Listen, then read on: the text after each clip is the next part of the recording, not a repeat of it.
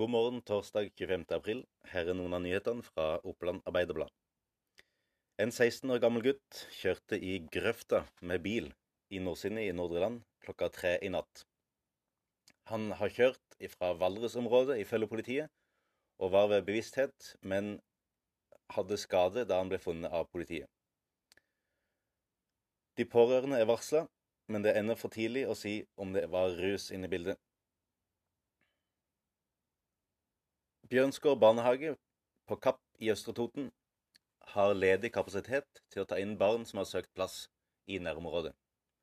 Kommunen vil derimot ikke gi tilskudd, så barna må da kjøres til Skreia eller andre barnehage i kommunen.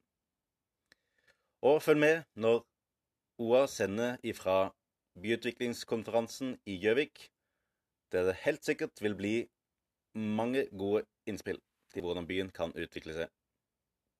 I morgentimene er det problemer med nettavisen. Dette beklager vi.